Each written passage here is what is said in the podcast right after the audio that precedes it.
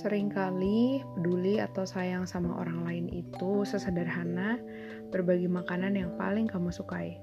Atau mungkin kamu sengaja ngobok-ngobok isi kulkas dan berjibaku di dapur untuk menyiapkan makanan terbaik. Aku masih sangat percaya bahwa cooking is the purest thing to do. It's like saying I love you without saying it.